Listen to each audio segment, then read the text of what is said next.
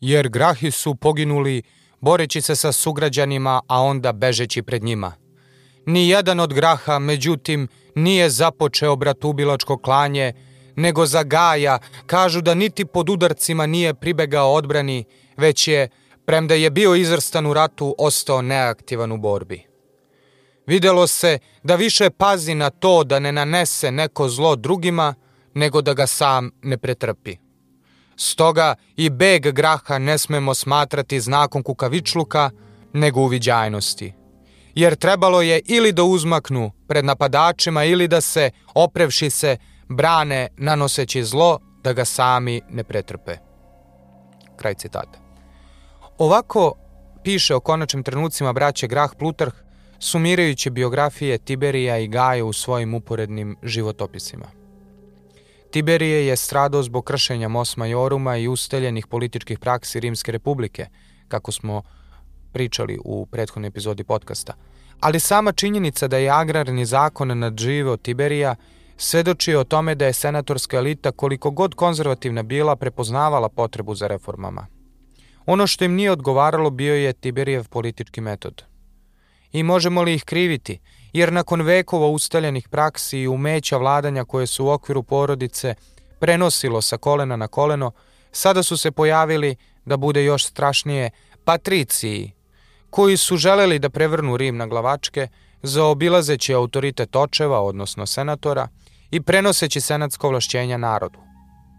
Sudbine i status braće Grah u rimskom društvu podsjećaju na sudbinu Franklina Delana Roosevelta, američkog predsednika, koga su isto tako smatrali izdajnikom sobstvene klase i koga su mrzeli toliko da je, na primer, bankar JP Morgan tražio da iseku Rooseveltovo lice iz novina pre nego što mu ih donesu ujutro na sto.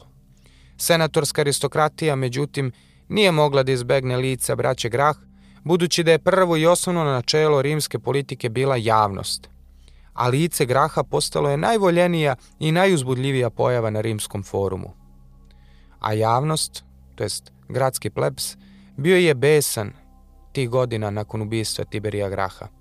Ali ubrzo se pojavio novi narodni prvak, istog prezimena i krvi i još vešti i beskompromisniji. Ovo je priča o Gaju Grahu, a ja sam Tiosa Purić. Vi slušate drugu epizodu iz podcasta o Rimu, Majici Imperija, u kojoj ćemo se baviti životom i delom narodnog tribuna Gaja Sempronija Graha.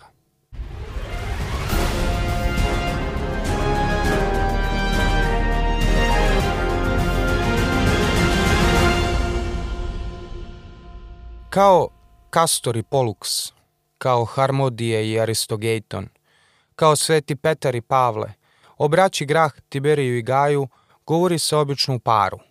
Iako su bili ne samo različitog temperamenta, deleći malo šta osim prezimena, nego su delovali razdvojeni vremenskim razmakom od 10 godina. Ali više nego prezime i majčino mleko, ovu dvojicu braće spajala je politička borba za narodnu stvar, za ravnopravnu raspodelu zemlje i pravo naroda da se njegov politički glas čuje. Evo kako dvojicu braće opisuje Plutarh, ističući razlike u njihovom karakteru. On kaže – Izrazom lica i pogledom i kretanjima Tiberije je bio blag i staložen, a Gaj nagao i strastven, tako da je i narodu jedan govorio stojeći mirno na jednom mestu, dok je drugi bio prvi od Rimljana koji je počeo šetati na govornici i koji je, dok je govorio, skinuo togu sa ramena i pljesnuo se po bedru, kao Kleon, Atinjanin, što je bila novost kod jednog javnog govornika. Zatim, Gajev govor je ulivao stravu i bio strastven do preteranosti, a Tiberijev ugodniji i više izazivao sa osjećanje kod slušalaca. I stil je Tiberijev bio čist i brižljivo izrađen, a Gajev pun uverenja i blještav. Dalje, u svojim uporednim biografijama, Plutarh kaže da je Gaj mnogo veći uspeh je ostvarivao onda kada je neposredno razgovarao sa svojim pristalicama nego kada je držao javne govore.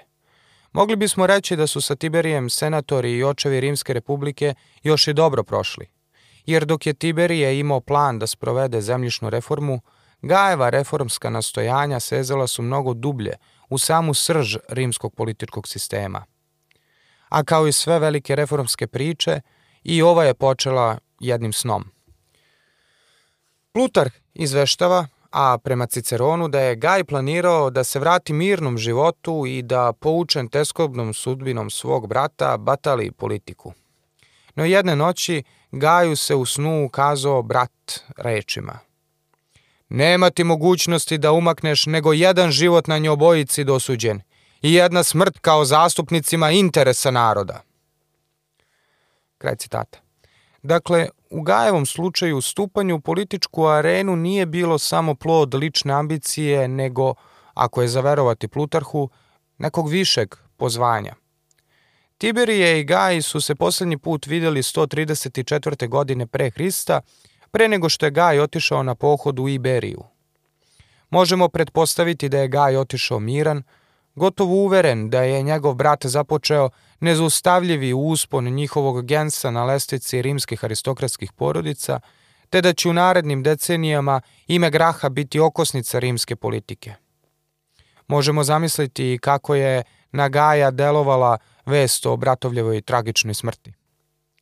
Kada se vrati u Rim, od Gaja se očekivalo ne samo da postane pater familias obezglavljene porodice, nego i da preuzme na sebe odgovornost za čitav jedan politički pokret koji je njegov brat otpočeo.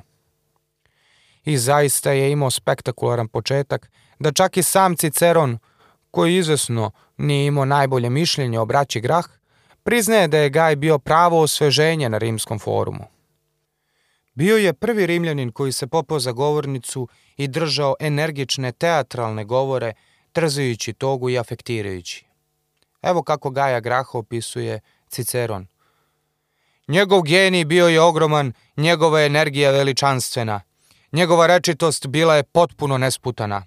Svi su dobri ljudi žalili što takve vrline nisu stavljene u službu boljih ciljeva.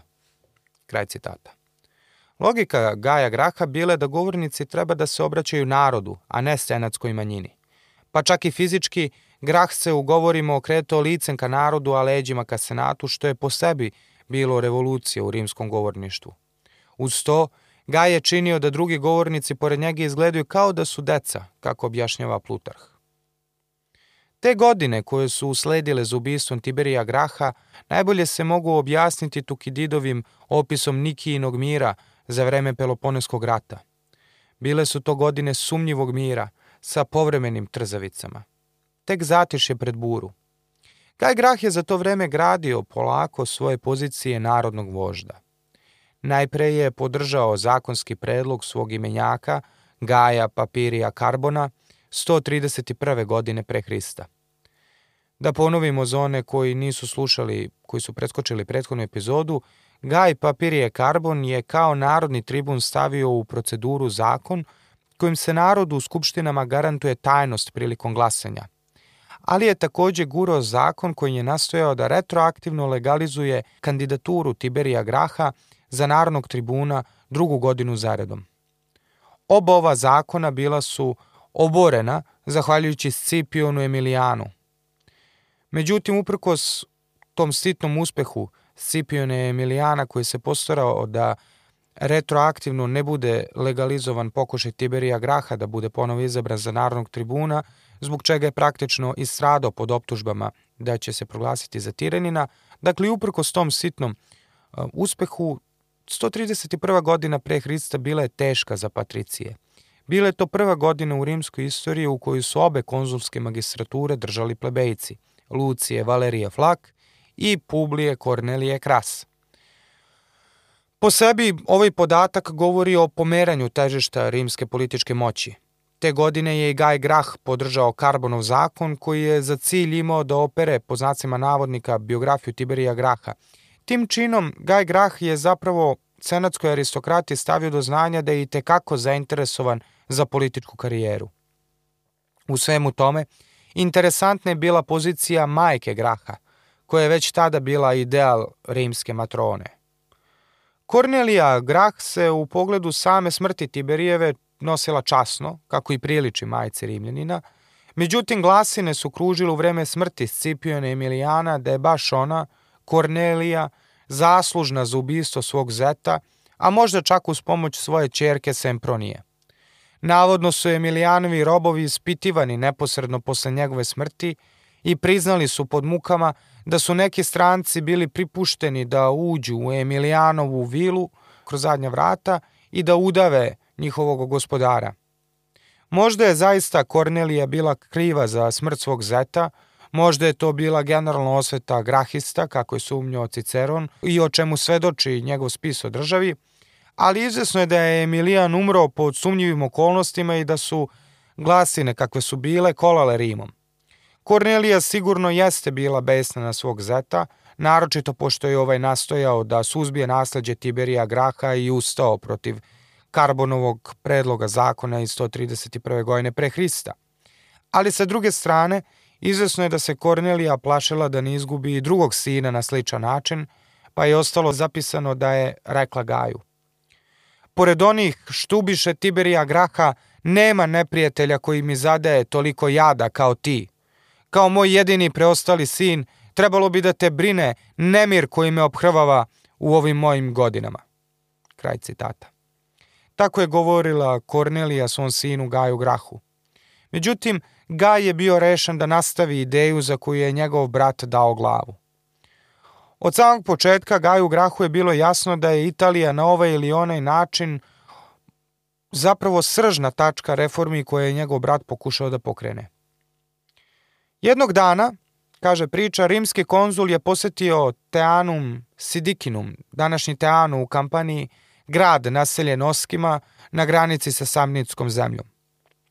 Žena uvaženog rimskog konzula izrazila je želju da se okupa u muškim kupatelima. Tada je gradskom rizničaru Marku Mariju naloženo da istera kupače i obezbedi da gospa ima prostor samo za sebe. Međutim, nakon što se okupala u tim kupatelima, gospa se poželila svom suprugu, rimskom konzulu, kako su kupatila bila suviše prljava. Zato je konzul preduzeo potrebne korake. Kolac je zaboden nasred gradskog trga u Teanumu, a mučeni Marko Marije je doveden do koce i privezan za njega, skinuta mu je odeća i šibanje do iznemoglosti. Tako je kažnjen što nije ukazao dužno poštovanje konzulovoj supruzi, a kada su vesti stigle u obližnja naselja, lokalne skupštine su donele zakon da se zabrani korišćenje javnih kupatila kada se neki rimski zvaničnik nađe u gradu. Eto, to je bila slika i prilika rimskog odnosa prema Italicima, koji je Gaj Grah pravilno locirao. Upravo ova priča nam stiže iz jednog Grahovog govora, a posredstvom Aula Gelija, jednog rimskog učenjaka iz drugog veka posle Hrista, koji nam je ostavio kompilatorsko delo magičnog naslova Atičke noći. Rim je sa preko 150 pojedinačnih bilateralnih ugovora, kako bismo rekli danas, bio povezan sa svojim italskim saveznicima, odnosno italskim federatima. Njihova obaveza bila je da idu u rat na poziv Rima, a učestvovali su u raspodeli plena i imali su pravo na osnivanje kolonija zajedno sa rimskim građanima.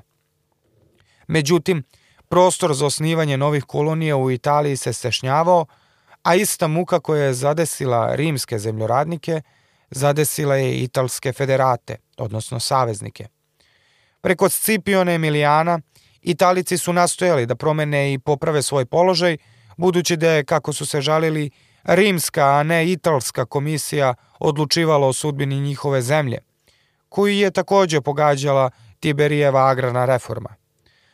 Konzul kome je senat pod pritiskom Emilijana poverio da se bavi ovim pitanjem, brže bolje je otišao u provinciju, malte ne pobegao glavom bez obzira, samo da ne bi morao da se bavi ovim Gordijevim čvorom rimske politike. Ali italski problem nije bio samo, da tako kažemo, pravne prirode. Osionost Rimljana prema Italicima je takođe rasla i slučaj gradonačelnika Teanuma Marka Marija nije bio usamljen. Gaj Grah je govorio o još jednoj vrlo simboličnoj epizodi koja oslikava odnos Rimljana prema Italicima. Daću vam samo jedan primer jednog našeg mladića koji je potpuno izgubio bilo kakav osjećaj za samokontrolu. Pre nekoliko godina taj mladić koji još nije držao javnu poziciju poslat je kao emisar u provinciju Aziju. Putovao je u nosiljci sa baldahinima. Čobanin iz Venuzija u južnoj Italiji je sreo povorku i, ne znajući ko je u njoj, dobacio šalu o tome da li nosači prevoze kakav leš. Mladić u nosiljci je ovo čuo. Naredio je da ga spuste i da se seljak prebije kožnim kajšima kojima je nosiljka bila ojačana. Kraj citata. Ova priča je retorski efektni presek italsko-rimskih odnosa, a pored toga savršeno oslikava Grahovo umeće. Nasilnik je u ovoj priči Osioni mladić koga su poslali, iako ne obnaša ni jednu funkciju, u zvaničnu misiju u daleku Aziju, koja je po sebi sinonim za bogatstvo i orijentalno mekuštvo i razmaženost koji su bili strani Rimljanima. Sama činjenica da se mladiću poverava odgovoran posao, kao što je spoljna politika, je po sebi blasfemična za predstave Rimljana o politici, jer je ona domen senatora, očeva Rima, najiskusnih i najmudrijih glava. Uz sve to, taj izdanak ponosnog naroda žilavih ratnika koji su se dičili fizičkom izdržljivošću je nošen, iako mladi u naponu snage, on je nošen u nosiljci.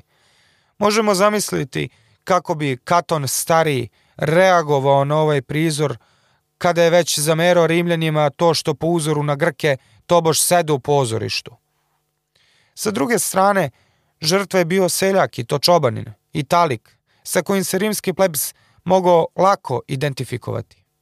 Naravno, ne po pravima koje je rimski urbani plebs ljubomorno čuvao kao jedino što ih razvaja od ostatka sveta, pa i italskih sunarodnika, nego po tim štraftama modrim koje su rano od kožnog kajša načinile na telu jadnika. I na posledku, kazna kojom je šala sankcionisana najbolje govorila o metiljavosti poznorepubličke rimske aristokratije, koja nije mogla ni distrpi da gorštački humor. Gaj Grah je moguće glede ove ideje o tome da je u Italicima ključ problema i rešenje za posao agrarne komisije – koje je trebalo da sprovede Tiberijev zakon, dakle, bio pod utice moguće prijatelja Fulvija Flaka. Setimo se da je Scipion Emilijan za života mudro sapleo agrarnu komisiju tako što je pitanje raspodele zemlje podveo pod spoljnu politiku. Pošto se deo zemlje, javne zemlje, to je stager publikusa, koji je trebalo razdeliti, graničio sa italskim posjedima. Time posao agrarne reforme izuzeo od agrarne komisije u kojoj su sedeli tada Gaj Grah, Fulvije Flak i papir je karbon i predao je u ruke Senatu. Međutim, sada je, kako nam prenosi Apijan, Flak našao pravo rešenje. Smatraju da Italicima treba dati rimsko građansko pravo i da će Italici iz puke zahvalnosti prestati da se glože sa ribljenima oko zemlje. A čak i ako nastave, smatrao je, to će biti pitanje za agrarnu komisiju, koja je imala nadležnost samo nad rimskim građanima. Međutim, ovakav postupak pokušaja davanja rimskog građanskog prava Italicima nije bio skandalozan samo za Senat, čiji su konzervativni krugovi premirali od pomisli na to da bi morali da upravljaju Rimom u dogovoru sa čitavom Italijom.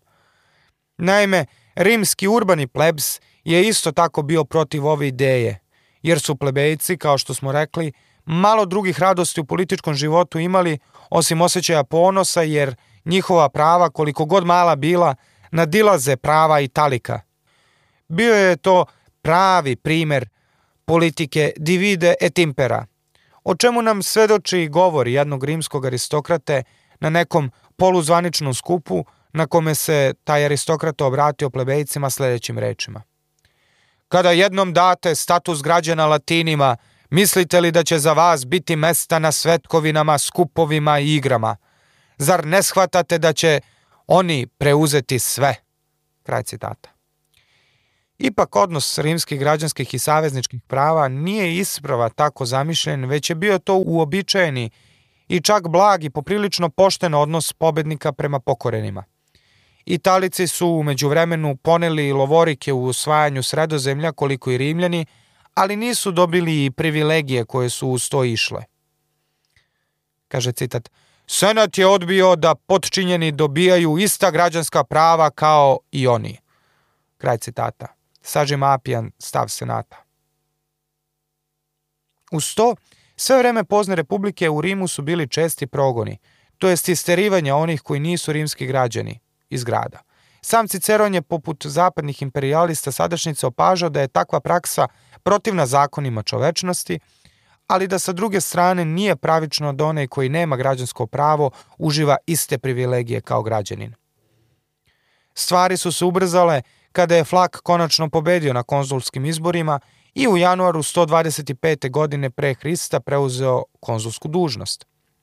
Odmah je predložio plan da proširi građanska prava na Italike. Predlog je očekivano naišao na otpor i to ne samo u Senatu, već i u skupštinama, koje su u tom trenutku okupljale mahom građane samog grada Rima, koji su svakako bili protiv iz prethodno navedenih razloga.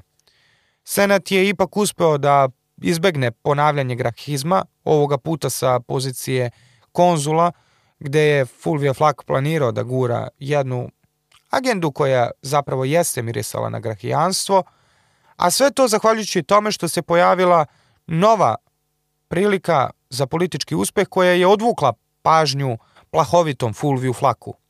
Naime, Gali su napali Masiliju, današnji Marsej.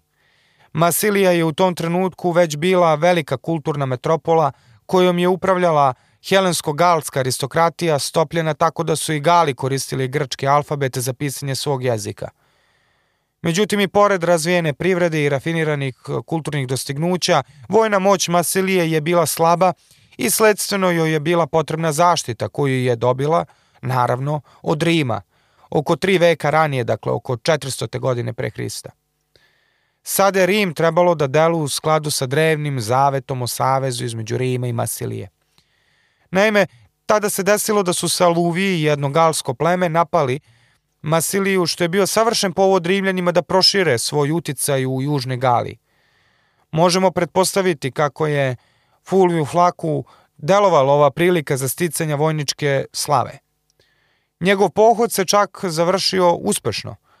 Bilans Flakovog rata i rata Sekstija Kalvina, koji je bio konzul 124. godine pre Hrista, dakle godinu dana posle Flaka, protiv galskih plemena na jugu Galije, obezbedili su Rimu izgovor da naprave jedan saobraćeni koridor od rimske teritorije na severu Italije do Masilije i posade jedan garnizon u Aqua Sexti, tik ispod kelske citadele Entermont.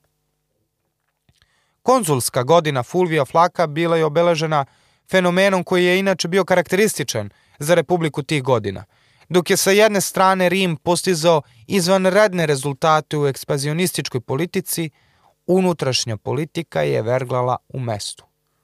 Zakon o učvršćivanju Italika u rimsko građanstvo odbačen je i neće biti rešen sve do savezničkog rata, krvavog građanskog sukoba koji će uslediti tek za nekoliko decenija. O tome koliko se Rim plašio svojih italskih saveznika, rečito govori i slučaj pobune Fregele, koja se 125. godine pre Hrista digla na oružje. Ova kolonija ustanovljena je 328. godine pre Hrista za vreme Samnitskih ratova na Samnitskoj zemlji. Grad se pokazao lojalnim saveznikom Rimljana tokom rata protiv Hanibala 211. godine, kada ne samo da su se Fregeljani oglušili o kartaginski poziv da se okrenu protiv Rima, nego su se i aktivno uključili u gerilsku borbu, otežavajući Hanibalu manevrisanje i kretanje kroz Italiju, spaljujući neke mostave i presecajući puteve.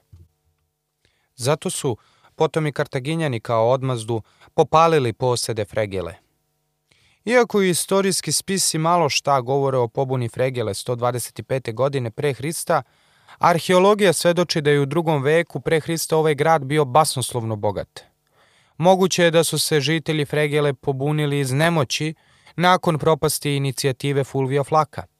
Prema jednom izvoru u isto vreme se pobunio i Asculum, prestonica italskog naroda Picena. Ipak, Fregele je bila, kao što smo rekli, bogat grad sa domaćom autohtono razvijenom arhitektonskim stilom sa sistemom odvoda i raskošnim Eskulapovim hramom u okviru koga je jedan oltar bio posvećen Salusu, bogu zdravlja, a čitav hramovni kompleks je bio zapravo specijalizovan za lečenje stopala. Zato još strašnije deluje odluka Rima da na Fregelu pošalje pretora Lucija Opimija koji je ovaj grad sravnio sa zemljom, a uz pomoć fregelskog izdejice Kvinta Numitora Pula – koji je najpre svoje fregeljane podsticao na pobunu, a potom prešao Rimljanima. Kako Ciceron opaža, Rimljani su uništili Numanciju, poharali Kartaginu, razvalili Korint i satrli Fregelu. Kraj citata. Sama činjenica da je Fregela stavljena u isti red sa neprijateljima Rima svedoči o vreloj temi italskog građanstva i tinjujućem neprijateljstvu između Rima i italskih federata. Mada je Ciceron ovo pisao sa naknadnom pameću, ne možemo se oteti utisku da je tretiranje Fregele kao neprijateljskog grada i sravnjivanje sa zemljom suštinski bila poruka namenjena celoj Italiji. Gaj Grah nije bio u Rimu kada se cela drama sa Fregelom odigravala. Bio je poslat kao kvestor, dakle nadzornik financija, na Sardiniju u pratnji konzula Oresta. Kako kaže Plutarh, došavši dakle na Sardiniju, davao je Gaju u svakom pogledu dokaz o svoj vrsnoći i veoma je nadmašivao ostale mlade ljude u bojevima s neprijateljima, u pravičnom postupanju s podanicima i u odanosti i poštovanju prema zapovedniku, a suzdržanošću, jednostavnim načinom življenja i radinošću nadilazio je i starije. Kraj citata. Te 125. godine pre Hrista je Sardiniju pogodila jaka zima. Zapovednik rimske vojske od gradova zatražio odeću i hranu, međutim Sardinjani su odbili da predaju svoje, svoje namirnice i ostalu potrebnu opremu rimskoj vojsci i poslali su predstavnike u Rim da zatraže blaže postupanje prema svom narodu. Senat je udovoljio njihovoj molbi i naredio zapovedniku da provijanti i odeću za vojsku nađe na drugom mestu.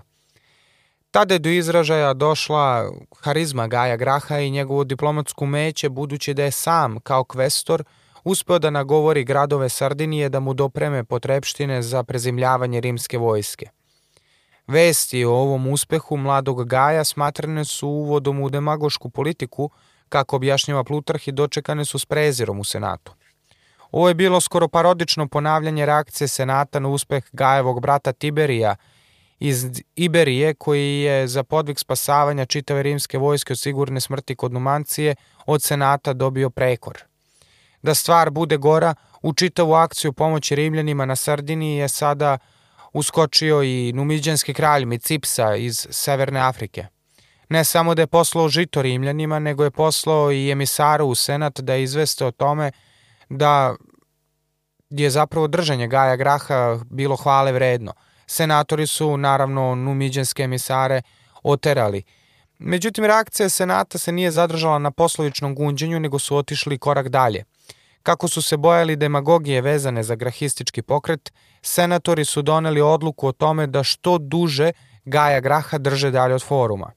Stoga su još dva put produžili mandat rimske administracije na Sardiniji, što je bilo neuobičajeno budući da ovakva praksa produžavanja mandata nije upražnjavana od vremena punskih ratova, a naročito je bilo čudno to što je Sardinija bila mirna i stabilna, pa nikakvog razloga suštinski za time nije ni bilo. Naravno, Gaj je odmah shvatio da je cilj produženja mandata da se on zadrži van Rima, a ne da se konzul zadrži na Sardiniji. Tako se plah kakav je bio i dosta srčani od brata, Gaj odlučio za korak kojim je prekršio ponovo rimski mos majorum. Suprotno pravilu da mora da ostane sa zapovednikom snaga kao praktično šef njegovog kabineta provincijske uprave, Gaj je napustio poziciju kvestora na Sardiniji i vratio se u Rim u proleće 124. godine pre Hrista. Nije bilo dovoljno što je drskošću otvoreno izazvao senat vrativši se uprkos odluci očeva, nego je dočekan uz ovacije Rimljana što je dodatno obremenilo crne slutnje senatora o povratku Graha na forum. Zato su odlučili da ga odmah osujetu u eventualnom pokušaju da se dokopa magistrature Narodnog tribuna. Gaj Grah je izveden pred cenzore, rimske magistrate koji su popisivali rimske građani i odlučivali o tome koji je građanin dostojan prava na učešće u upravljanju državom. Izgovor za ovo isleđivanje pred cenzorima bio je taj što je Gaj napustio svog zapovednika na Sardiniji. I tada je, kako nam prenosi Aul Gelije, Gaj održao jedan od svojih najčuvenijih govora. Braneći se od optužbi pred cenzorima, Grah je rekao, Dok su drugi koristili nameštenje u provincijama da globe narodi bogate se, ja sam, kada sam pošao natrag u Rim, ponao sa sobom praznu kesu, koju sam ponao na put punu novca. Drugi su se vratili noseći čupove pune novca, koje su prethodno u provincije poneli napunjene vinom. Kraj citata. Ovin je Gaj obezbedio sebi povratak na rimski forum u velikom stilu, najavivši da će se kao pravi narodni prvak spremno uhvatiti u koštac sa besramnom bahatošću pohlepom rimske aristokratije. Sa druge strane, bio je to još jedan poraz senata od popularne struje. Senatori su se navodno spremali da ne stanu na difamaciji Graha kroz optužbu da se ponovo nelojalno prema državi i predačkim običajima oglušivši se o odluku Senata da mora da ostane na Sardiniji. Glasine su u to vreme kolale o tome kako su senatori nameravali da optuže Graha pred krivičnim sudom za učešće u pobuni Fregele, međutim čini se da je Gaj sa lakoćom odbio ove optužbe. Priča o tome da je navodno u vreme Fregelske pobune bio na Sardiniji je zaista slaba libi. Znamo malo o kontekstu pobune, ali verovatnije je da su zaista žitelji Fregele bili izazvani na pobunu propašću flakovi inicijativu o dodeli rimskog građanstva Italicima, nego da je jedan tako mladi političar zelen kakav je bio Gaj Grah imao logistiku i moć da organizuje bilo kakav oružani ustanak. No sama ta činjenica da su nastojali da ga povežu sa ozbiljnim prestupom kakav je poziv na pobunu protiv Rima u saradnji sa izdajnicima Rimsko-Italskog saveza, kakav je bila Fregela, svedoči o obimu pretnje koji je grahistički pokret predstavljao po senat. Plutarh svedoči da se Graj odmah po povratku sa Sardinije uključio u predizbornu trku za narodnog tribuna. Senat je uistinu bio dovoljno moćan da primora svojom opsežnom klijentelskom mrežom glasače da Gajani izaberu baš prvog za narodnog tribuna. Ali su na posledku postigli to da ne bude izabran prvi, nego tek četvrti u tom desetočlanom kolegijumu tribuna i na kraju nisu uspeli da usujete pokušaj Gaja Graha i njegovo nastojanje da bude izabran za narodnog tribuna. Šta više, efekat je bio gotovo suprotan. Danima se narod slivao u Rim da bude pripravan za glasanje. Svet je bilo toliko da ptica nije mogla da sleti na Marsovom polju, a navodno su se ljudi penjali na krove kuće i lomili crepove samo da bi mogli da svedoče Gajevom stupanju na poziciju narodnog tribuna a Gaj Grah je govorio spektakularno, podsjećajući Svetinu da je njihovim predsima narodni tribun bio Svetinja, pa je pričao kako je nekada davno izvesni Gaj Veturije smaknut samo zato što se nije sklonio sa puta narodnom tribunu koji je išao preko foruma. Narod je bio oduševljen. Umeđu vremenu, Narodne skupštine su ratifikovale odluku kojom se Perganska kraljevina konačno organizovala u rimsku provinciju. Deset godina je prošlo od trenutka kada je kralj Atal zaveštao svoju državu rimskom narodu. Manije Akvilije, koji je bio zadužen za organizovanje provincijske uprave u Aziji, je u tom trenutku i optužen za brojna nepočinstva. Iako je svima bilo očigledno da je kriv za brojna zlodela, od kojih je trovanje izvora opsedanim gradovima bio još i najmanje od zločina, Akvilije se odbranio pred sudom zahvaljujući zuzimanju mladog advokata Marka Antonija, dede Marka Antonija Triumvira koji ga je branio i zahvaljujući mitu kojim je bogato podmazao sudije. Upravo da bi se izbeglo eventualno preispitivanje legitimiteta poduhvata Akvilija u Aziji, Senatska aristokratija čekala da ovaj bude najpre oslobođen optužbi pred sudom, pa je tek onda njegovo uređenje Azije ratifikovano pred narodnim skupštinama. Sa organizovanjem Azije u rimsku provinciju, senatori su utirali put svojoj dominaciji nasuprot grahistima, a Gaj je naravno sa svoje strane planirao da im pomrsi konce. Jer pitanje provincije Azije bilo je idealan teren za suprotstavljanje senatorskoj aristokratiji ali još više od pitanja Azije, pitanje na kome se narodna podrška lako mobilisala za antisenatsku stvar, bilo je naravno pitanje ubistva Tiberija Sempronija Graha. Narod je volao bratsku ljubav, naročito između narodu privrženih graha, a osveta uvređene časti i imena bila je pitanje dignitasa, dostojanstva za svakog rimljanina. Moćnici senatorske aristokratije, pamtio je narod, ubili su nekažnjeno tribuna rimskog naroda i to nije moglo proći bez posledica. Gaj Grah je upravo to imao na umu kada je izabran po ustaljenom kalendarskom rasporedu 10. decembra 124. godine pre Hrista za narodnog tribuna za narednu godinu i odmah je postao prvi među jednakima u desetočlanom kolegijumu plebejskih prvaka.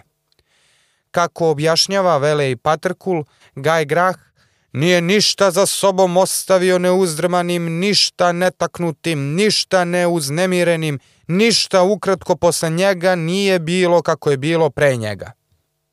Kraj citata. Domet i opseg njegovih zakona zaista je imao za cilj da potpuno redefiniše odnos snaga u Rimskoj republici i koliko toliko vrati na snagu ustrojstvo koje je Polibio opisao kao osetljivi balans između monarhijskih, demokratskih i aristokratskih elemenata.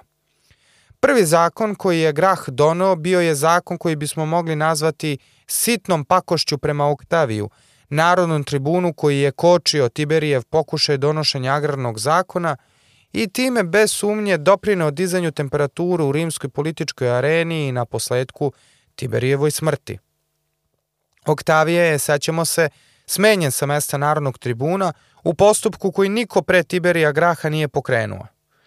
Time je Tiberije pokazao koliko je njegova moć nad Narodnom skupštinom i sledstveno narodnih tribuna, samo kada se jednom odvaže da narodni interes postave ispred tabuiziranih predačkih običaja. Mada bi opozicija grahistima rekla da su ispred predačkih običaja stavljali svoj lični interes. Bilo kako bilo, Gaj je odlučio da pokaže da ima istu moć.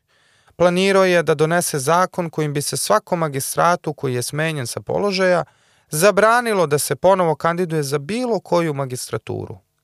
Time bi praktično Oktavijeva politička karijera bila potpuno okončana.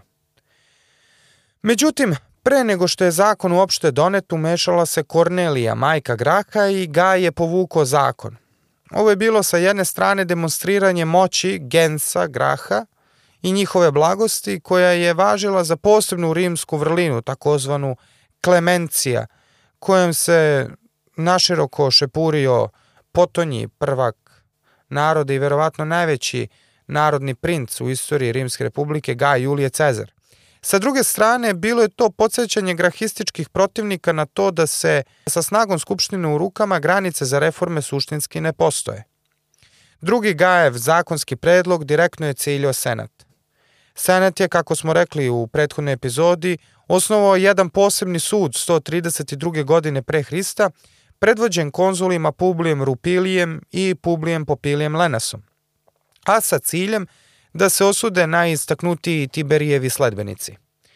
Time je, tvrdio je Gaj, Senat narušio nadležnost Skupštine da sudi u slučajevima najtežih krivičnih dela. Ovim zakonom Gaj je zapravo predvideo da Senat sličan sud u budućnosti može sazvati samo u slučaju da mu Skupština prethodno da izrečito ovlašćenje. Ali nije ova odluka bilo ono što je bilo zapravo revolucionarno u Gajevom zakonu, jer je zaista Skupština imala primarnu nadležnost za sudi u slučajevima kao što je bio onaj koji je imao za cilj da kriminalizuje Tiberija i njegove pristalice 132. godine pre Hrista. Naime, revolucionarnost ovog zakona bila u tome što se primenjivo i retroaktivno, pa su se konzuli iz 132. godine pre Hrista našli na udaru zakona koji nije postojao u vreme kada su krivično delo počinili. Rupilije se izvukao jer je prethodno umro, ali Publije Popilije Lenas je morao da odi iz grada u izgnanstvo. Međutim, Gaj naravno nije tu stao sa reformama. Sledeća reforma koju je nastojao da preduzme ticala se naravno agrarne komisije i Tiberijevog agrarnog zakona. Preostala nepodeljena javna zemlja ili ager publicus kako se to drugačije nazivalo, uglavnom je bila na granici sa italskim posedima što je, rekli smo, Scipion Emilijan na čelu senata pokušao sve da podvede pod spoljnu politiku budući da je bavljenje raspodelom zemlje na granici sa italskim posedima potpadalo pod a, ono što bismo mogli da nazovemo spoljnom politikom. Međutim, sa jedne strane italski seljaci su bili nezadovoljni jer su bili izuzeti iz reforme, a sa drugi italski zemljoposednici su bili besni jer bi njihov posed morao da bude smanjen. Rekli smo da je Scipion Emilijan istupio kao zaštitnik italskih interesa i da je odlučivanje o raspodeli zemlje koje bi podrazumevalo rešavanje razmirica sa Italicima preneo na konzula, kome naravno uh, ovlašćenje delegirao Senat. Time je agrarna komisija koja je imala zadatak da sprovede agrarnu reformu izolovan od strane Senata. Gaj Grah, Fulvije Flak i Papirije Karbon bili su u tom trenutku kada se sve to dešavalo mladi političari kojima nije preostalo ništa do da grizu nokti i čekaju svoj trenutak. Najpre, rekli smo, Flak pokušao da problem reši tako što bi svim Italicima dao rimsko građansko pravo i time ih unapred pacifikovao za eventualno oduzimanje zemlje. Videli smo da su i senat i rimski narod bili protiv toga. Međutim, sada je Gaj dono zakon preko Skupštine kojim je jednostavno saopšteno čitavom Rimu da je agrarna komisija jedina koja može rešavati u pitanjima agrarne reforme i time zapravo anulirao politiku Scipiona Emilijana. Ali Gajeva reformska vizija nije posustajala ni ovde. Gaj je smatrao da treba ponovo pokrenuti talas kolonizacije italske unutrašnjosti i osnovati potpuno nova naselja.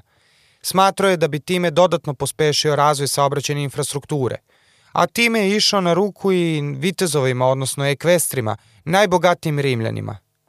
Dakle, upravo bi vitezovi dobili u svojstvu publikana ovlašćenja da grade puteve, luke, a sami bi postali lokalna trgovačka elita novoosnovanih kolonija. Gajeva vizija nadilazila je i granice Italije – Sanjao je o kolonizaciji i ponovnom naseljavanju Kartagine. Takav zakonski predlog bio je primamljiv svima, naročito publikanima koji bi imali astronomske prihode od tog oblika javno-privatnog partnerstva. Zatim je Gaj uniformisao način izgradnje rimskih puteva koji su toliko do naših dana hvaljeni.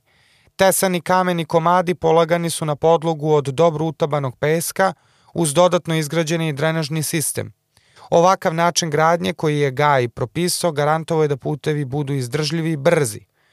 Uz to Gaj je odredio i posebne grupe radnika koji bi postavljali miljokaz uz put kako bi se putnici lakše snalazili.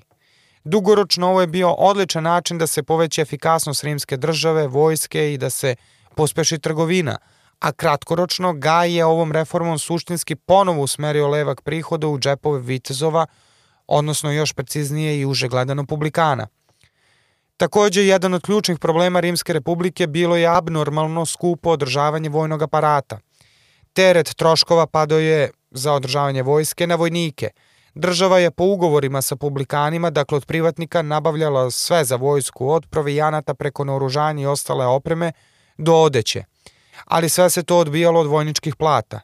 E, Gaj je donao zakon kojim je takva praksa obustavljena, a vojničke plate nisu smele da se koriste za plaćanje vojne opreme.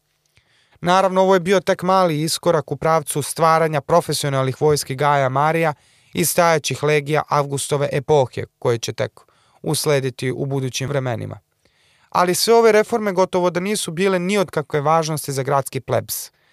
A gradski plebs je, setimo se, stešnjen u četiri tribe, iako nije imao mnogo utice u glasanju, bio zapravo, što bi Amerikanci rekli, predstavljao čizme na terenu – Oni su bili tu u svakom trenutku spremni da se okupe na plebejskoj konciliji, kako se nazivao narodni skup koji su magistrati sazivali sa ciljem da se pretrese predlog zakona i ispita raspoloženje naroda. Od uspeha zakonskih predloga i njihovih prijema na plebejskim koncilijima zavisio je i dalji uspeh zakonskih predloga, iako formalno Plebijske koncilije nisu bile od velikog značaja i nisu mogle da glasaju zakon. Tek su regularne tributske skupštine donosile odluke o tome koji će zakoni biti usvojeni, a koji ne. Ali gradski plebs je upravo ukupljen u tim koncilijama obezbeđivo zamah političkim pokretima, a po potrebi u vremenu političkog nasilja na ulicama Rima i poslednju liniju odbrane. Zato je Gaj morao da obezbedi i za gradski plebs određeni oblik koncesije i bilo je to suštinski ono što je gradski plebs od uvek i tražio – stabilno snabdevanje jeftinim žitom. Sam Gaj je one zime koju je proveo na Sardiniji video kakva je muka kada varljive žetve u basenu sredozemlja izazovu nestašice žita. Baš kad je postao tribun, desilo se da je najezda skakavac u Severnoj Africi, odnosno Libiji, kako su Rimljani nazivali čitav prostor Severne Afrike bez Egipta, izazvala nestašicu žita u Rimu. Gaj je donao zakon kojim je država primorana da narodu prodaje žito po fiksnoj ceni. Decenijama kasnije Ciceron je namčerasto hvalio protivnike grahističkog pokreta baš u pogledu ove Gajeve reforme, smatrujući da su mudraci Gajevog vremena shvatili kako će ovakva mera skrenuti gradski plebs od proizvodnje ka dokolici. Zapravo Gaj je ovom reformom onemogućio političarima da monopolišu narodnu podršku koristeći glad kao polugu. Praksa dodela žita po fiksnim cenama zadržala su u Rimu tokom narednih vekova i bila je postojana skoro kao rimski putevi. U helenskom svetu takvih običaja kao što je subvencionisana prodaja žita nije bilo. Kod Grka bogataši bi jednostavno vreme nestašice delili žito ugraženima, i to veoma redko. O tome kako je bila gotovo karikaturalna opozicija ovoj reformi u Rimu, svedoči jedna epizoda koja uključuje Gaja Graha i Lucija Kalpurnija Pizona Frugija, čiji nadimak Frugi znači stipsa. Kada je zakon izglasan, Gaje sreo uticajnog Pizona Stipsu kako stoji u redu za sledovanje žita. Gaj ga je pitao šta radi, ovaj mu je odgovorio Ne dopada mi se, Gaje, tvoja zamisao da deliš moju imovinu svakome, ali ako ćeš to da radiš, uzet ću svoj deo. Kraj citata. Ime rimskog ustrojstva, republika, značilo je javna stvar i gotovo sve je bilo javno, a istovremeno gotovo sve je bilo i privatno, tako da bi se o tome šta je javna, šta privatna svojina i imovina moglo polemisati. Ali ovaj zakon bio je jedan od velikih uspeha grahističke politike, koje je za pravo, kao što smo rekli, dalo vreme, budući da je praksa subvencionisane prodaje žita najsiromašnijim građanima Rima opstala sve do dolaska Varvara. Međutim, konačni korak u ovom opsežnom programu reformi ticao se naravno dalje zaštiti interesa vitezova, to jest još preciznije publikana. Naime, Akvilije je donao zakon kojim su svi kraljevski posedi pergamskog suverena Atala III. pretvoreni u javnu zemlju. Međutim, kontroverzna odredba u tom zakonu ticala se odluke o tome da će guverner provincije Azije, dakle praktično senat koji guvernera imenuje, donositi odluku o tome ko će otkupiti pravo da sakuplja porez u Aziji, basnoslovnom bogatom Eldoradu sredozemnog basena. Gajev zakon je zapravo redigovao ovu odluku Akvilija i prebacio ovlašćenje na cenzore koji će u Rimu prodavati pravo na skupljanje poruza u Aziji na javnoj dažbi. Time je Gaj praktično utro put monopolizacije skupljanja poreza od strane publikana – Sa druge strane, Gaj je izvršio reformu sudova koji su sudili u slučajevima iznude, to jest provincijske zloupotrebe vlasti. Upravo je takav jedan sud oslobodio optužbi Manija Akvilija, zahvaljujući mitu, a uprkos očiglednim dokazima. Rimljani su tolerisali mito, ali ne i besramnost.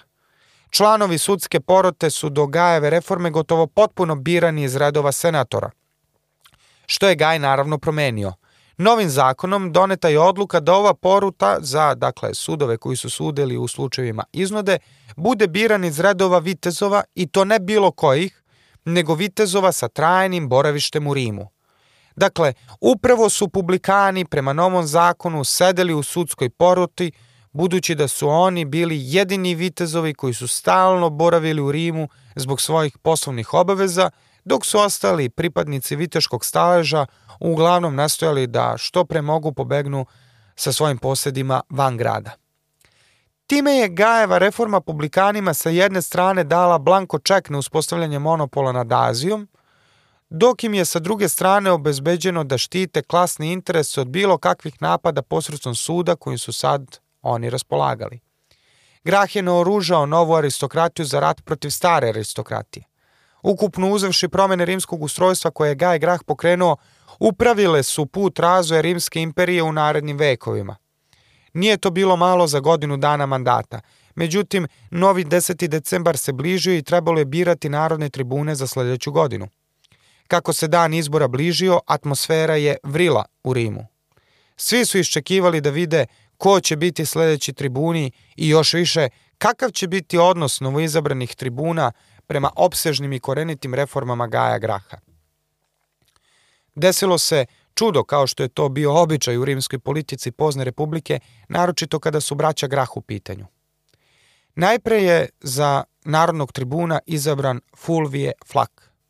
Da, upravo onaj Fulvije Flak koji je bio zajedno sa Karbonom i Gajem Grahom član agrarne komisije i koji je potom postao rimski konzul i uspešno ratovao protiv Gala, napustivši zbog rata protiv Gala svoj plan o širenju rimskog građanstva na Italike. Sam ovaj korak Flakove kandidature za Narodnu tribunu bio je nečuven, jer još se nije dešavalo da političar koji je prethodno bio konzul podnese svoju kandidaturu i još bude izabran za Narodnog tribuna. Ova situacija bila je još jedan vesnik prenosa realne moći sa senata na narod. Pored toga, desilo se da je nekoliko mesta u kolegiju od 10 narodnih tribuna posle izbora ostalo upražnjeno. U tim situacijama izabrani narodni tribuni bi imali diskreciono ovlašćenje da imenuju svoje kolege. I tako je Gaj Grah ponovo izabran od strane svojih kolega na poziciju narodnog tribuna. Setimo se Upravo je uzastopni izbor na mesto narodnog tribuna bio čin koji je izazvao gnev i vodi ubistvu Tiberija Graha pod optužbama da je želeo da se proglasi za monarha i tiranina. Izbor Gaja Graha, deset godina kasnije, godinu za godinom, dva put, dakle, nisu funkciju narodnog tribuna, prošao je potpuno glatko. Da li su stari prijatelji Fulvije Flak i Gaje Grah ovo prethodno isplanirali – Da li je to bio deo šire političke strategije? Ne znamo. Izvori o tome ćute, ali izvesno ovo bio ogromni uspeh koji je davao dodatni polet grahistima koji su spremno dočekali priliku da nastave reforme na čelu sa Gajem. Međutim, ovog puta i Senat bio spreman za drugi mandat Gaja Graha. Slično kao sa bratom mu Tiberijem, kome su senatori za kolegu postavili svog čoveka Marka Oktavija da ga minira na svakom koraku, Tako su Gaju postavili Livija Druza. Ovaj mladić iz ugledne porodice otpočeo je svoj rad na poziciji narodnog tribuna kao izazivač Gaja Graha, verujući da će time obezbediti sebi prijatelju u Senatu. Ali umesto da Graha koči neposredno, Druz je odlučio da daje još zavodljivija obećanja narodu i ukrade od Graha narodnu ljubav i obožavanje. Konkretno je ponudio obsežni plan kolonizacije Italije – sa predlogom o osnivanju 12 kolonija, sa novcem za 3000 kolonista da pokrenu poslove, ili kako bismo rekli sa start-up projektima danas, i povlasticama za čak 36.000 porodica. Začkoljica u svem ovome je bilo u tome što bi se ove povlastice odnosile samo na rimske građane, a ne na italike. Ovaj predlog je eksplodirao u narodu, naročito imajući u vidu odnos rimskog urbanog plepsa prema dragocenosti rimskog građanskog prava i generalno ni podaštavajući odnos prema Italicima. Gaj je ipak uporno zagovarao svoj plan o kolonizaciji koji bi obuhvatio i Italike, naročito uz podršku Fulvija Flaka, koji je sad kao tribun nastojao da dovrši posao koji je kao konzul otpočeo, ali nikad nije završio. Senat se nije dao prevariti. Kada je trebalo da se glasa o Gajevom predlogu kolonizacionog plana, Senat je donao odluku o tome da niko ko nema pravo glasa ne sme da priđe Rimu na manje od pet rimskih milja na dan glasanja. Time je Italicima bilo zabranjeno da pristupe gradu u trenutku kada se odlučivalo o njihovoj sudbini. Suočen sa glasačkim telom koje je bilo žestoko protiv predloženog plana koji je obuhvatao i Italike, Gaj je odlučio da pusti zakonski predlog niz vodu kako ne bi ugrozio druge reformske planove. Možda razočaran propašću svoje ideje, možda smatrajući da je njegovo prisustvo na terenu ključnog značaja, Gaj je odlučio da plovi na mesto razorene Kartagine nakon što je glasanje o Italicima propalo i o kolonizaciji. Njegov plan bio je da na mestu Kartagine, kao što smo prethodno rekli, napravi novu koloniju i želo je u izvesnom smislu da pokuše kolonizacije prema svom prethodno zacrtanom planu za ovaj trenutak nastavi van Italije, a da Italiju ostavi za neka bolja vremena. Ne može se zamisliti koliko je po sebi ova odluka o tako reći obnovi Kartagine bila kontroverzna za Rimljane. Najpre sama pozicija Kartagine bila je takva da je imala resurse i poziciju da strateški ugrozi Rim. Pored toga, sen Kartagine i opasnosti koju je predstavljala po Rim i dalje se nadvijala nad večnim gradom. Zato je Gaj verovatno smatrao da je i simbolički praktično bilo bitno da nadzire udaranje temelja za novu Kartaginu. Ali u Africi je sve pošlo naopako. Najpre je vetar prelomio štap poboden na mestu centralnog trga budućeg grada. Potom je vetar razduvao sastojke potrebne za prinošenje žrtve bogovima kako bi se umilili i blagosiljali novi poduhvat. Na posledku su vukovi zaposeli označene granice grada i ispreturali granično kamenje. Za sujeverne Rimljane ovo je bio očigledan pokazatelj da nemaju naklonost bogova za čitav poduhvat. Da stvar bude još gora, Gajevo odsustvo iz Rima bilo je kobno za Gajevu popularnost u plepsu. Da bi se bilo živim u političkom životu rimske prestonice, neophodno je bilo da se stalno bude prisutan, da se agituje, razgovara sa moliocima i motri na političke protivnike. Takođe, osim za vreme jedne svetkovine, narodni tribun nije smeo da bude duže od jednog dana odsutan iz Rima. Vrata kuće narodnog tribuna bila su stalno otvorena za molioce i za one koji traže azil.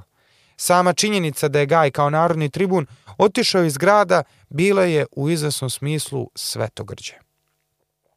Gaj je na putu proveo 70 dana. Za to vreme Druz je vešto prevesla, preveslavao Flaka, koji se mnogo slabije snalazi u zamršenoj forumskoj politici od Gaja. Projekat osnivanja 12 kolonija već je otpočeo, a da stvar bude gora po graha, Druz je obznanio još i to da će zemlja koju su članovi agrarne komisije, dakle Flak, Karbon i Gaj Grah izdelili, biti oslobođena od plaćanja rente.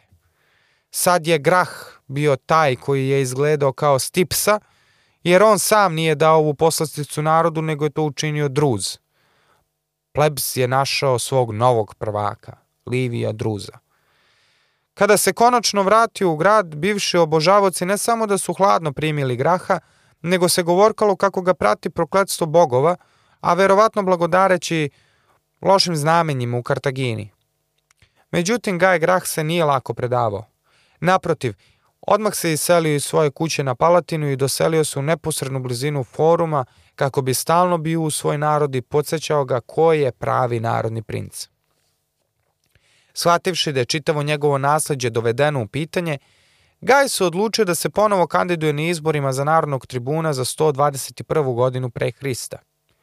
Imao je dovoljan broj glasova da obezbedi reizbor i bio je spreman da dalje pomeri granice rimske politike trećim uzastopnim izborom na mesto narodnog tribuna. Međutim, kada je dan za glasanje došao, posmatrači izbora koji su se starali o regularnosti postavili su pitanje o valjanosti Gajevih glasova, tvrdeći da je glasačka kutija unapred napunjena. Nadležni magistrati su se sa zadovoljstvom složili, izbacili pola ubačeni glasova iz kutije i Gaj Grah je tako izgubio izbore za narodnog tribuna.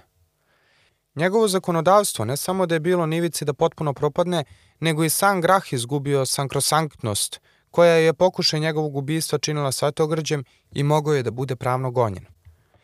Ali još gore od toga što je izgubio izbore, bilo je to što je za konzula izabran Lucije Opimije, čovek koji je kao pretor brutalno razorio Fregelu i nadu Italiji kada će senatorska aristokratija Rima pozdraviti njihov prijem u redove rimskog građanstva. Opimije je uz to bio zakleti protivnik Graha i zavetovo je da će ih uništiti kao Fregelu. Nastoje da na svaki mogući način navuče Gaja na neki korak koji bi mu pružio izgovor da stane u kraj grahu i grakističkim reformama, progonstvom Gaja iz grada, a ako treba i ubistvom. I Gaj je bio svestan ovoga i vešto izbegavao svaki pokušaj Lucija Opimija da ga izazove. Međutim, kada je Opimije najavio da će napustiti projekat osnivanje kolonije u Kartagini, Gaj nije mogao da stoji po strani. Okupio je svoje pristalice i rešio se da pruži otpor – najpre pokušajima protesta na forumu. Plutarh tvrdi da je Grahova majka Kornelija platila neke nerimljene strance da podrže njegovog sina.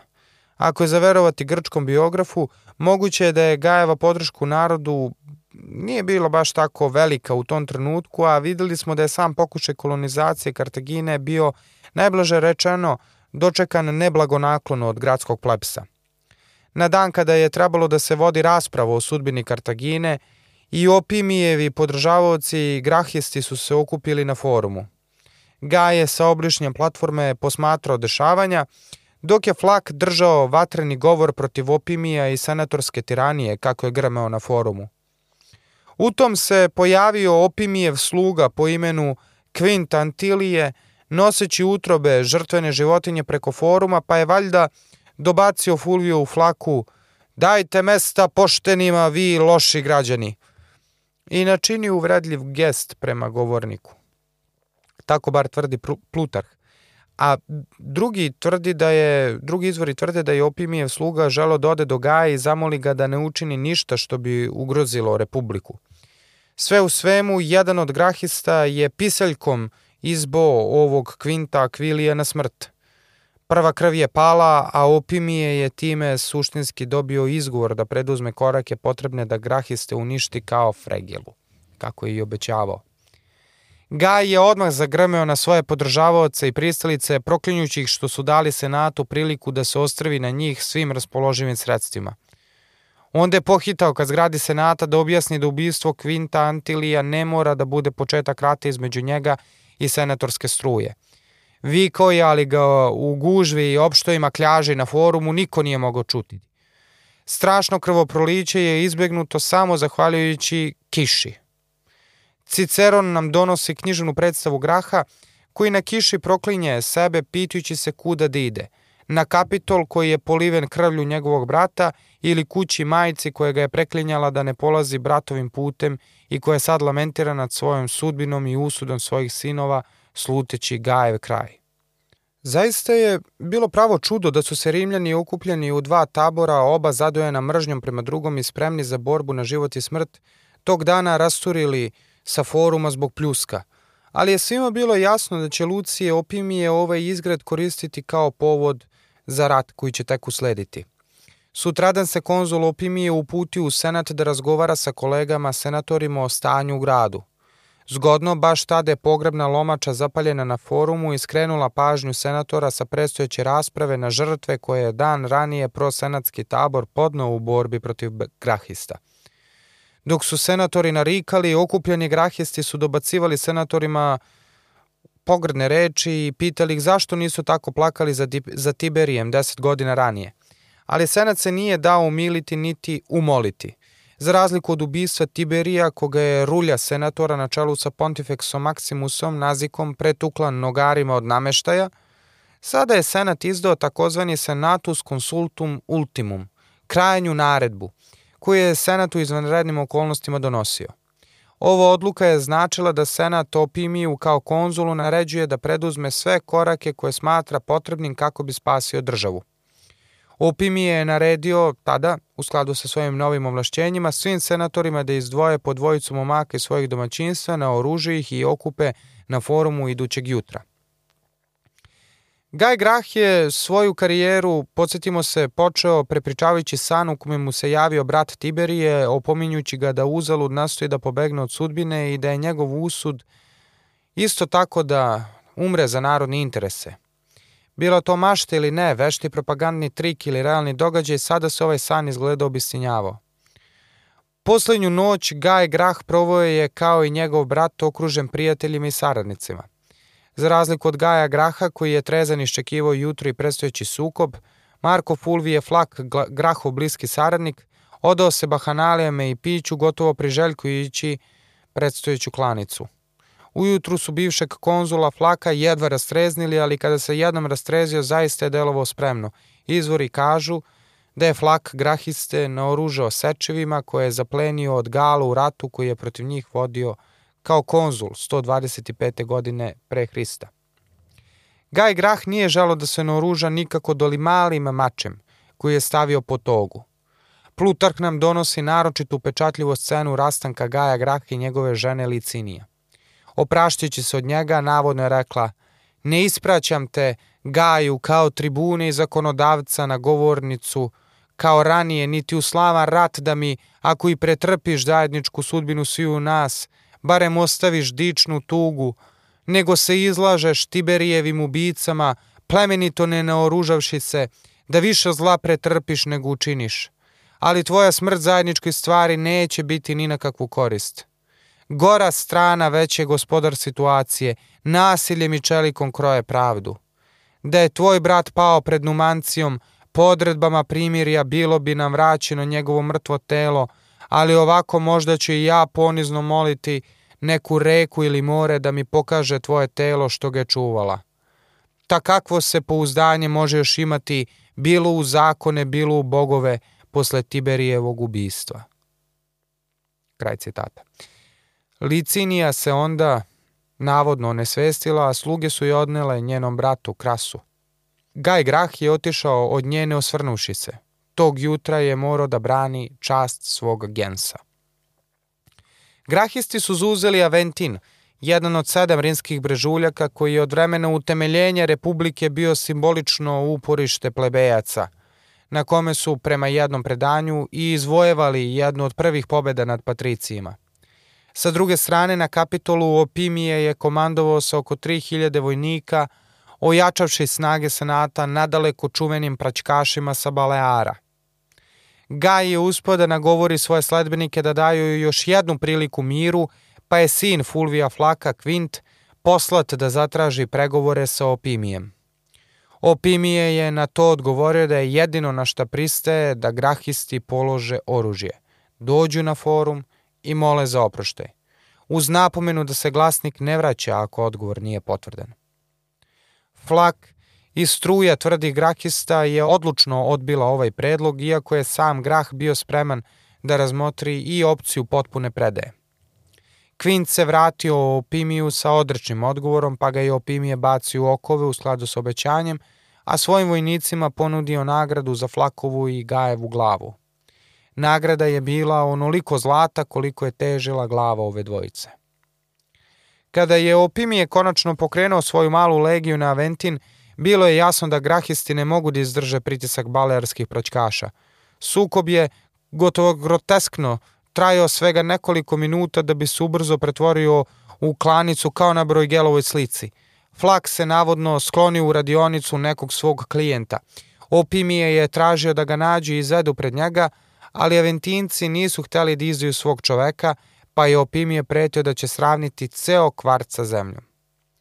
Tada je konačno neko izdao Flaka i tako Marko Fulvije Flak, konzul, tribun, general, pobednik nad Galima, član zemljišne komisije građanin Rima, beše pogubljen u nekoj aventinskoj uličici 121. godine pre Hrista. Umeđu vremenu, Opimije je proglasio amnestiju Grahista, ali je tražio da sada pred njega izvedu Gaja Graha.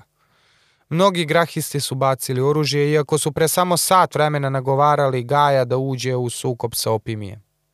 Gaj je bežao uz nekolicinu lojalnih pomagača preko Tibra. Kada je konačno stigao do svetog Gaja na samoj ivici Rima, shvatio je da nema više svrhe juriti od sudbine. Dao je nož svom robu i zatražio da mu ga zabode u vrat. U svetom Gaju sada je ležao još jedan mrtvi grah, Gaj Sempronije, jedan od najvećih reformatora i državnika Rima. Ironijom sudbine upravo je jedan grahista našao Gajevo telo.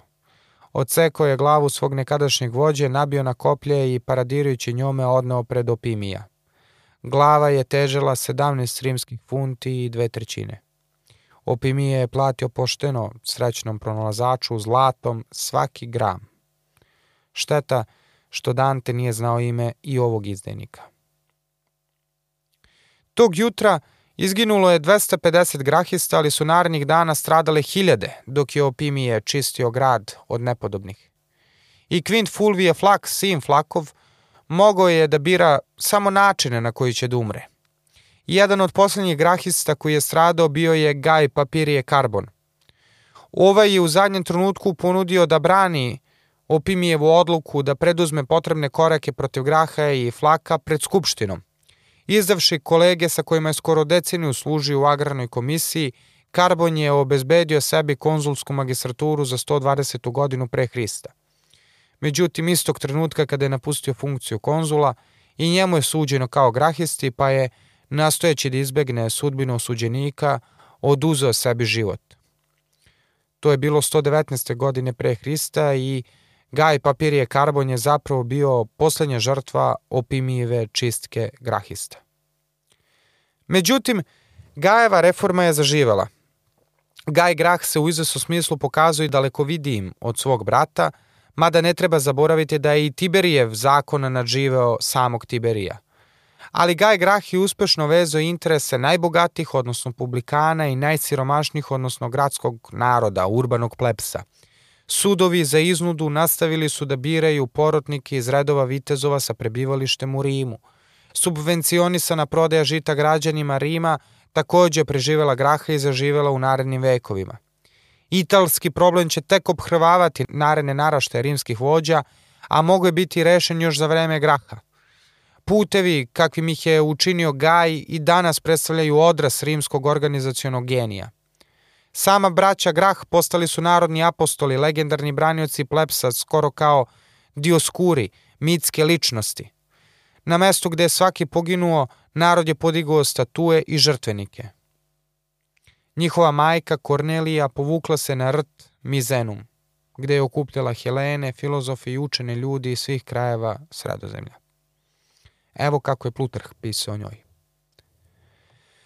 Citat. Najdivnija je bila kad bi bez tugi i suza spominjala svoje sinove, pričajući onima koji su je pitali o njihovoj bolnoj sudbini i delima kao da govori o ljudima iz davnine. Stoga su neki pomislili da je od starosti veličine nevolja pomerila pameću i postala neosetljiva na svoje nesreće, dok su međutim u istinu baš ti bili neosetljivi na to od kolike su koristi plemenita narav i čestit rod i odgoj ljudima da sladaju svoje boli i da, premda sudbina često nadvladava vrlinu koja se čuva od zala, u nesrećama ne može joj oduzeti snagu da ih podnosi sa spokojnom razboritošću kaže Plutarh. Kornelija je živela još dvadesetak godina i svedočila usponu novih narodnih prvaka, od kojih je svakako najveće ime arpinskog kolosa Gaja Marija.